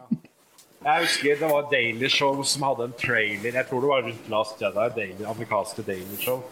man en trailer på den nye Star Wars-filmen. Var før Rise of Skywalker. De hadde fått en trailer, da, en parodi selvfølgelig. Og da var det Dette kommer i neste Star Wars-film! Og hadde, da hadde Det var masse sånne alle tingene disse toxic fans hatet. Du vet, Woke porgs. Så, så hadde du da, hadde da bilde av disse porgene som sitter der med sånne, sånne, sånne De hadde sånne photoshoppa inn sånne, sånne stokker med skilt på demonstrasjonsskilt forskjellige ting som woke-folk eh, pleier å si. Så, som demonstrerende porgs for et eller annet eller annen sak. For, eh, nei, så, så, det var, var kjempe... Eh, jeg husker jo Jeg er jo en veldig av oss tre så er jeg den største Jar Jar-entusiasten. Jeg er jo veldig glad i Jeg, jeg, jeg syns Jar er konge. Jeg, jeg, husker når vi dekket Clone Wars, så var det, for vi delte det inn i arcs, så var det noen episoder vi ikke tok med. Uh, og det husker jeg eh, jeg argumenterte for å ta med når Mace Windu og Jar Jar uh, de to episodene der, duoen, for å få de med. Det, det, det, det, klarte jeg å få inn. Og jeg, jeg, jeg er en så Jarger-entusiast. Jeg har aldri hørt Håvard så sint. eh, så når du hadde holdt dette foredraget til oss, hvorfor dette her er essensielle episoder altså dette, de som Ja, jeg forklarte for at jeg følte at de var litt viktige å få ja, var, Vi får jo eh, slutten av Mother Tarsin og alt det mm, der, mm, yeah. eh, men, eh, men eh, vi satte oss ned. Jeg, aldri, jeg, sier veldig mye på disse podkastene. Jeg sier mest på disse podkastene med alt law og alt det jeg maser om. Mm. Men jeg tror aldri jeg har sagt så lite. For dere to som diskuterer kvaliteten på denne episoden, er noe av det beste jeg har hørt. Og, og, og Håvard, så sint. Du sa dette var bra. ja Altså, jeg er, jeg er, veldig glad for at han fikk eh, et moment i den Mandalorian-episoden ja. som vi har sett nå. Jeg, jeg, elsket det. Det var helt fantastisk. Eh, så det eh, Jeg liker jo teorien om at det er Represent Bings som har sendt ut dette Naboo-skipet og disse folkene til å redde noen Jedis. Mm. Så jeg, jeg, hadde likt det. Ja. Men ja. Det, det, som er det Lille skal si der, er det er så rettferdighet føler jeg, at uh, Ahmed Best nå han, spiller den, han som spiller den mest, spilte den mest forhatte uh, figuren i Star Wars, kommer inn og redder den mest elskede. Mm, ja. ja. Det er poetisk. det er poetisk, ja. Det er helt konge. Men uh, i forhold til dette med, med, med dårlig Star Wars altså, jeg, jeg, på en måte mener alle kan ha forskjellige meninger, og uh, uh, du har selvfølgelig lov til å mene at noe ikke levde opp til forventningene dine. Kanskje noe av forbedringspotensialet. Eh, så ligger jo i dette her som sagt To, to forskjellige ting. Eh, to forskjellige, ja, ja, det er det absolutt. Eh, men eh, hvis du sier på en måte at noe er dårlig, så er det greit å få fram det vi har snakket om hva er det som gjør det dårlig? Ja, hva er det som ikke treffer? Ja, absolutt. Ja, det, at, det, at, noe ikke har levd opp til forventningene dine, er betydelig at det er dårlig Star Wars? Nei, nei, det var ja. Og det er vi veldig åpne på. Mm. Det er vår ja. tankegang på det. Jeg skal ja. si, si, at Star Wars eh, jeg skal, Nå skal jeg eh, fyre opp en stor brannfakkel og kaste den inn i eh, hvor enn det er. Eh, Star, det finnes ikke, Med unntak av Holiday Special så finnes det ikke dårlig Star Wars. Nei, jeg føler Altså, vi har jo dekket ganske mye. Vi har jo jeg føler vi i alle fall har 90 så er det positivitet i alle episodene våre. Vi snakker for vi elsker Star Wars.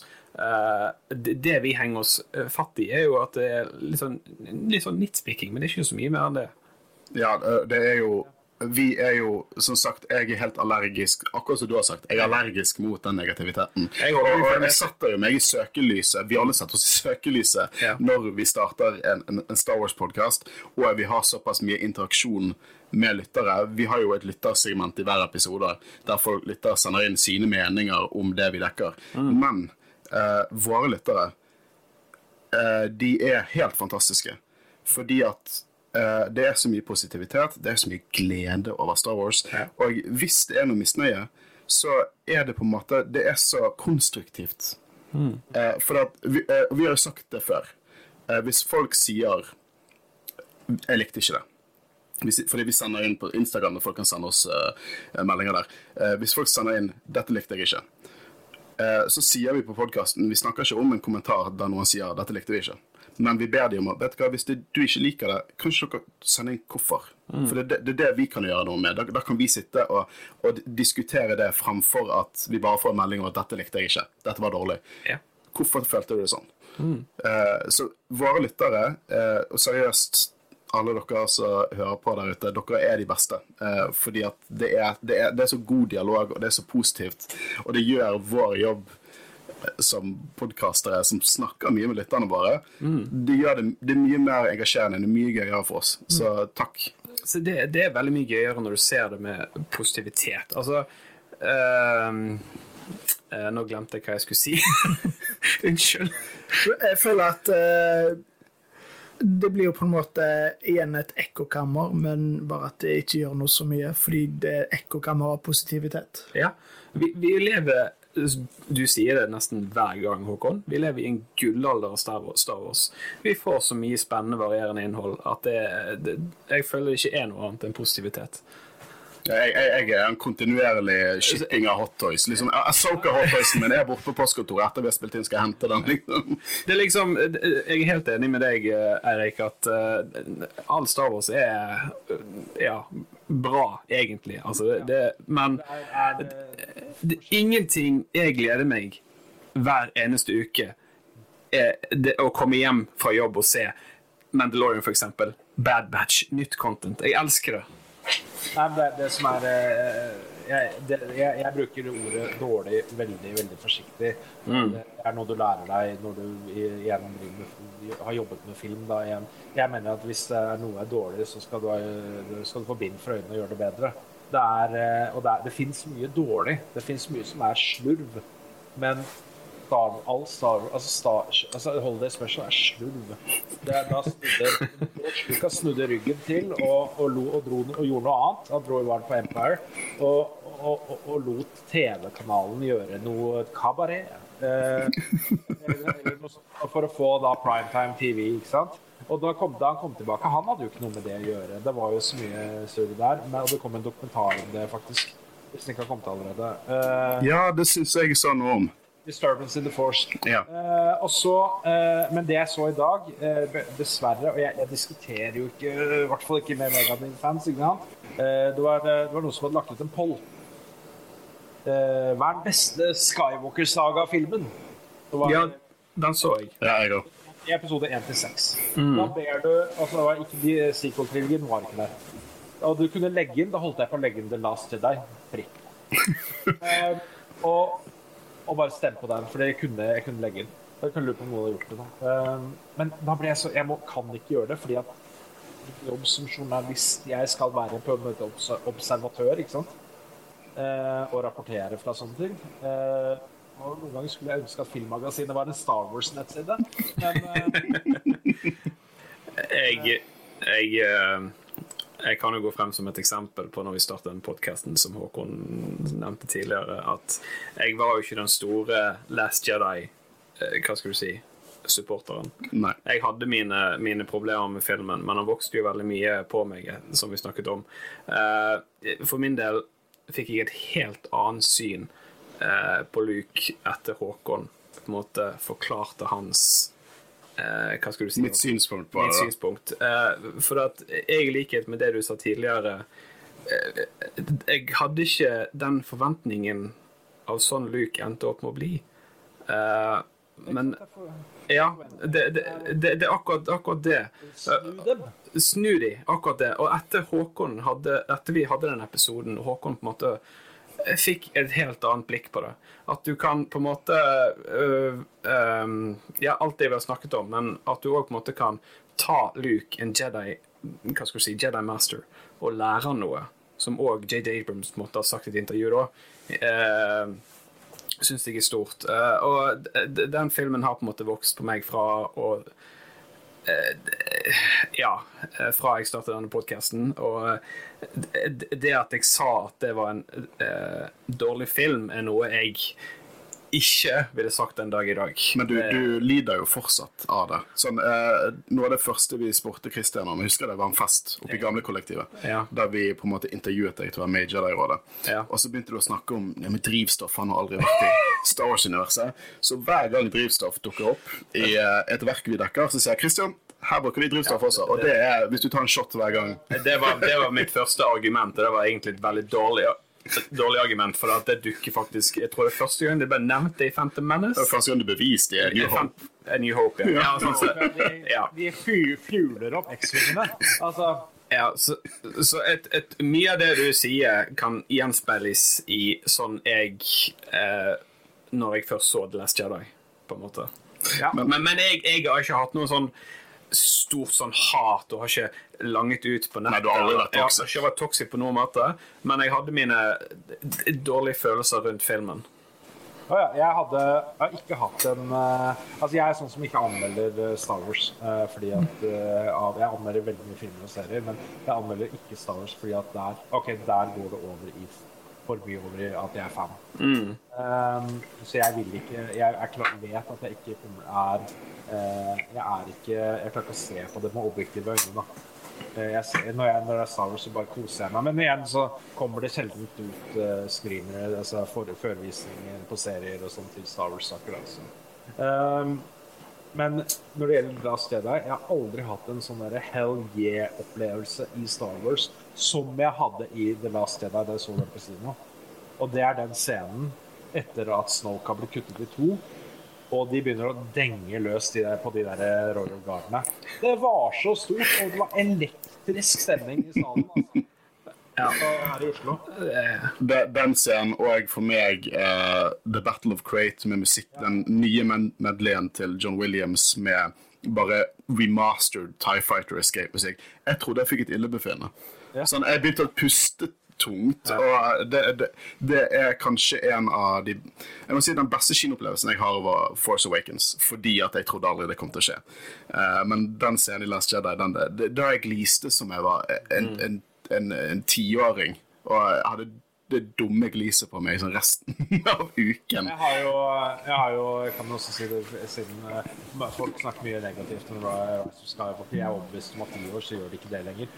Men, eh, men eh, jeg hadde en av de store kinoopplevelsene for meg. Det var jo, Jeg ser jo disse filmene på morgenen når de kommer eh, på kino. Og det var, det var også i Rise of Skywalker slutten av, av eh, eh, Helt siste scene. Når hun drar til det første der hvor alt begynte. ja, Tatooine. Begraver de, begraver de eh, lyssabene. Det var bare Åha! Det var perfekt, liksom. Eh, Så igjen det, Men problemet jeg hadde med filmen, og det er igjen Det er bare at jeg er litt lenger ned på Grease-skalaen, det er at dessverre hadde hadde hadde Carrie Fisher dødd, og Eh, og de hadde problemer med å klippe henne inn. Så, Det var ikke like impactfullt det siste offeret hun gjorde, som det kunne vært. ja, hun, var, hun var jo ikke levende. Så det, Nei, så de gjorde jo liksom Det de, det de Det fikk til, det skal de få skryt for. Ja, absolutt. Mm. Du kunne dataanimert henne, men tingen er at det, da hadde folk blir kjeftet og kjeftet og kjeftet. ikke sant? Ja. Uh, for det. Du, det er damn if you do, damn if you don't. De kunne ikke scrappe hele prosjektet pga. dette her. Hadde hun ikke dukket opp i det hele tatt, så hadde folk da hadde de kjeftet pga. det. De fikk det til i Black Panther. da. Så Black Panther, så Chadwick Boseman døde jo tragisk før den filmen startet. Og eh, jeg likte Black Panther og Wakanda Forever veldig, og jeg synes at de håndterte hele dette, at det skjedde offscreen, på en god måte. Jeg var ikke så veldig fan. Jeg så den i, i, eh, nede i Christchurch i New Zealand. Og jeg var ikke så innmari imponert av den filmen. Du var ikke det, nei? Så jeg syns hun, synes hun som spilte det nye Black Panther, jeg syns hun er et troll, liksom. Jeg, jeg, jeg liker ikke hun som skuespiller. Nei, du ikke. Jeg syns det, det var bedre enn originalen. jeg. Men jeg, ja. Men uh, smaken er som baken. Ja, det Eh, men jeg lurer på om vi skal begynne å runde litt av. Nå har vi uh, diskutert mye. Eh, men før vi avslutter helt, Eirik. Ja. eh, nå har jo Filmmagasinet eh, Kan jeg si at de har fått en på en måte gjenoppliving nå? Det kan jeg si. Og altså, historien her er at det ble det magasinet dere plukker på uh, kinohyllene eh, gratis. Da, som vi sier i podkast-teaseren, det, var- det er viktig at det var gratis. Eh, Men, men eh, det har jo forsvunnet fordi at forrige redaksjon de trakk seg. eh, og de var veldig opptatt av print. Da. Print er jo printblad er jo ikke flere blir jo digitale. Eh, og da hadde jeg jobbet med, med, med sidens nettside i, eh, i eh, flere siden mars det året, i fjor, da. Eh, så eh, det som skjedde, var at de tilbød meg å ta over. Og det gjorde jeg. Og da eh, snudde vi rundt på alt, egentlig. Hele stilen og alt mulig. Så fra nå i nyttår rundt da, så har, virkelig, har det virkelig kommet tilbake. Og nå er vi jo på nettsiden filmmagasin.no. Eh, men vi breier oss også ut på Vi er veldig mye på Facebook, men vi breier oss også ut på eh, Twitter, eh, for de som er der, ikke, som ikke Elon Musk har jaget bort. Eh, og eh, Instagram prøver, prøver vi oss på. Og, og vi har fått, fikk nylig et råd om å være på TikTok. Og det, det blir sånn derre Hello kids. Eh, Ja, men det fikk vi også. Vi har klart å publisere tre videoer der. Ja, ikke sant. Eh, så eh, Så, så, eh, så Men det går bra. Altså, vi bygger det opp igjen da, fra det, det litt sånn oppussingsobjektet det var, og det blir en, eh, like mye fokus på kino som serier. Eh, og vi er et lite team som eh, jobber med det. Og det er gøy. Og ja, vi håper at vi kan reise gjøre filmmagasinet stort igjen. Make it great again. Jeg må bare si at eh, jeg håper virkelig dere klarer å, eh, å oppstå skikkelig igjen, fordi eh, jeg har alltid vært utrolig glad i film. Både å se film, men òg å lese om film, liksom behind the scenes og alt mulig sånn. Så når jeg var liten, så noe av det kjekkeste med å gå på kino, var å liksom plukke med meg eh, et gratis blad, og jeg har fortsatt et par blader hjemme i bladhyllen fra, fra den tiden, så jeg syns det er veldig kjekt at dere er tilbake. Det er jo det som vi, vi sier, er at vi styrer unna popkornjournalistikk og tabloid. Det er ikke på Altså, vi vil aldri legge ut Altså aldri si aldri, men vi vil aldri legge ut en overskrift som sier Som heter 'Ti filmer med ekte sexscener', dere. Det vil vi aldri gjøre. Altså, vi, vi løfter frem filmskaperen og gir oss eh, gir, gir innsikt i eh, filmverdenen, da, og, og reviews og da podkasten vår, da, som heter noe så originalt som Filmmagasinets podkast, fordi vi må jo bruke med den merkevaren når vi først har den. Um, og så er det jo dette her med at eh, noen sa at eh, det smarte Jeg lurer på om det var jeg som sa det, faktisk. Um, at eh, filmmagasinet, nye filmmagasinet er en digital versjon av, av ekstramaterialet på DVD-en. Det er en god tilnærming. Det er, der vi, det er det vi sikter på. Vi skal være ekte, vi skal være autentiske. Vi skal også eh, ha, ha de dypdykkene. Vi skal ha de derre vi, skal, vi skal vise at vi kan mye om disse kanskje litt nerdete sidene av film. Og løfte fram de, ha, ha intervjuer med filmskapere, men like mye behind the scenes som foran kamera. ikke sant? Ja, det blir jo Det er jo på en måte sånn Grunnen til at vi ble fort stor, var jo fordi at For vi, vi alle er veteraner for Studentradioen i Bergen. Nå er jo vi indie, men vi begynte i Jedi-rådet som i Studentradioen i Bergen, og vi så at det var et tomrom. Det fantes ikke norske Star Wars-podkaster. Eh, og det var, det var nisje. Enormt nisje. Men hvis du går inn på en nisje så vil du stige fortere enn hvis du prøver å dekke det alle gjør. Og det jeg synes med Filmmagasinet er at dere har en annen tilnærming enn veldig mange av de andre norske filmpodkastene. Ikke at de er noe gale, men dere gjør noe annet enn Filmpolitiet. Ja, ja, ja. Absolutt. Eh, Jeg husker med smerte, og beklager igjen da hvis filmpolitiet hører på dette her. Eh, Jeg husker med smerte at de skulle dekke Mandalorian. Og, og hva var det Var det de som startet med at de skulle synge en sang om Mandalorian? da? For det var, det var på mandag så var det Mandal Mando Monday. Fordi det er da Man Manic Monday-sangen, ikke sant? Den derre Og så stemte alle i, og jeg bare Stopp! Det, det var så flaut. Altså, men men eh, det, vi er ikke filmpolitiet. Vi har ikke lyst til å være filmpolitiet. Eh, de kan få lov til å være det hvis de vil, og, og, men vi prøver å være med. Altså, og eh, eksempel på podkasten så har vi eh, Så skal vi alltid ha gjester. Eh, I april så kommer Kristoffer Hivlo til oss. Eh, Erik Poppe, fra regissør av Han er jo en av adelen i norsk film. Altså uh, 'Kongens nei' og den kommende Quisling-filmen. Uh, han kommer til oss i, i, i, april. Vi skal sikkert ha en James Bond-episode, ikke sant? Så ja, vi, vi, vi, har lyst til å være litt nerdete, da. Ikke det bare være si, komme med sladre. Bare være sarkastiske. Ja, men det, det, det, er en glede å høre. Jeg har hørt, eh, jeg tror jeg har hørt to episoder deres. Ja. Eh, det er mer enn meg. Jeg tåler ikke Jeg har vanskelig for å høre min egen stemme. Ah, ja, men Gi det tid. Snart så sitter du og, og, og uh, gratulerer deg sjøl på at det var godt sagt. Uh, du, du, tok meg 100 episoder, og så var jeg der. Ja, ok, bare 100. Vi er på nummer syv nå. Nå kommer ut, kommer ut, kommer ut til, til, over helgen. Så hva var det jeg hadde sist? Jeg snakket om Dungeons and Dragons-filmen. Den har jeg sett. Er, Hvordan uh, falt den i smak? Kan du si det? Det gjorde det, og jeg gleder meg til den. Jeg, har, jeg kan anmelde OK, det er greit, dette er en, en eksklusiv, da.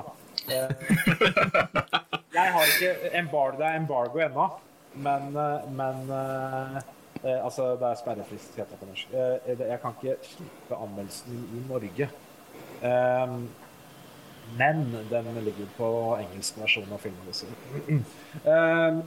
Så det som er at den filmen Jeg er jo en rollespiller. Jeg har spilt rollespill siden jeg var tolv.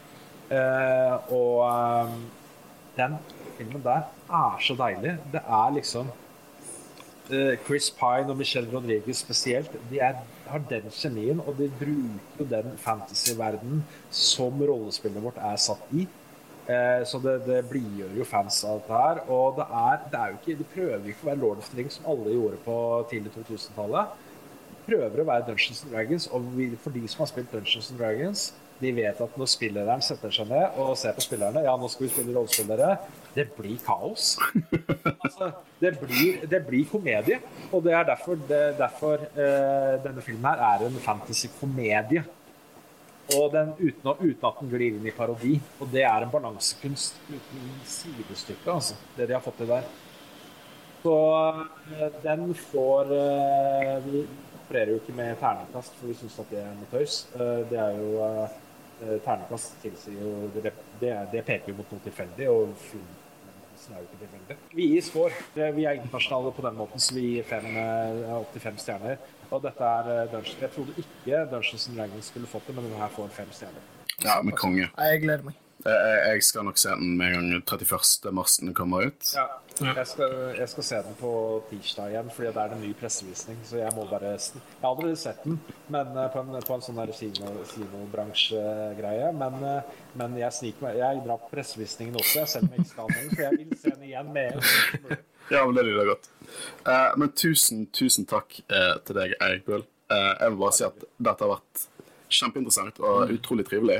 Ja. Uh, så du skal du, Eirik, og dere lyttere skal ikke se bort ifra at Eirik kommer til å dukke opp uh, på Jedi-rådet igjen. hva er det vi pleier å si? you're granted a seat on this council. but not the rank of master. Ja. mm. This is an outrage. Uansett, tusen takk til deg. It's not fair! Eh, tusen takk til dere to, Havarus og Kristian Aspen. Eh, vi er Jedi-rådet. Eh, dere kommer til å høre oss fortsette med The Mandalorian. Eh, neste torsdag så slipper vi eh, en ny episode. Og som sagt, vi skal til Celebration, men det stopper ikke vår produksjon. Eh, vi fortsetter med det, selv om det blir utrolig travelt for oss. så takk, og ha det bra. Ha det bra. Ha det bra. Ha det bra.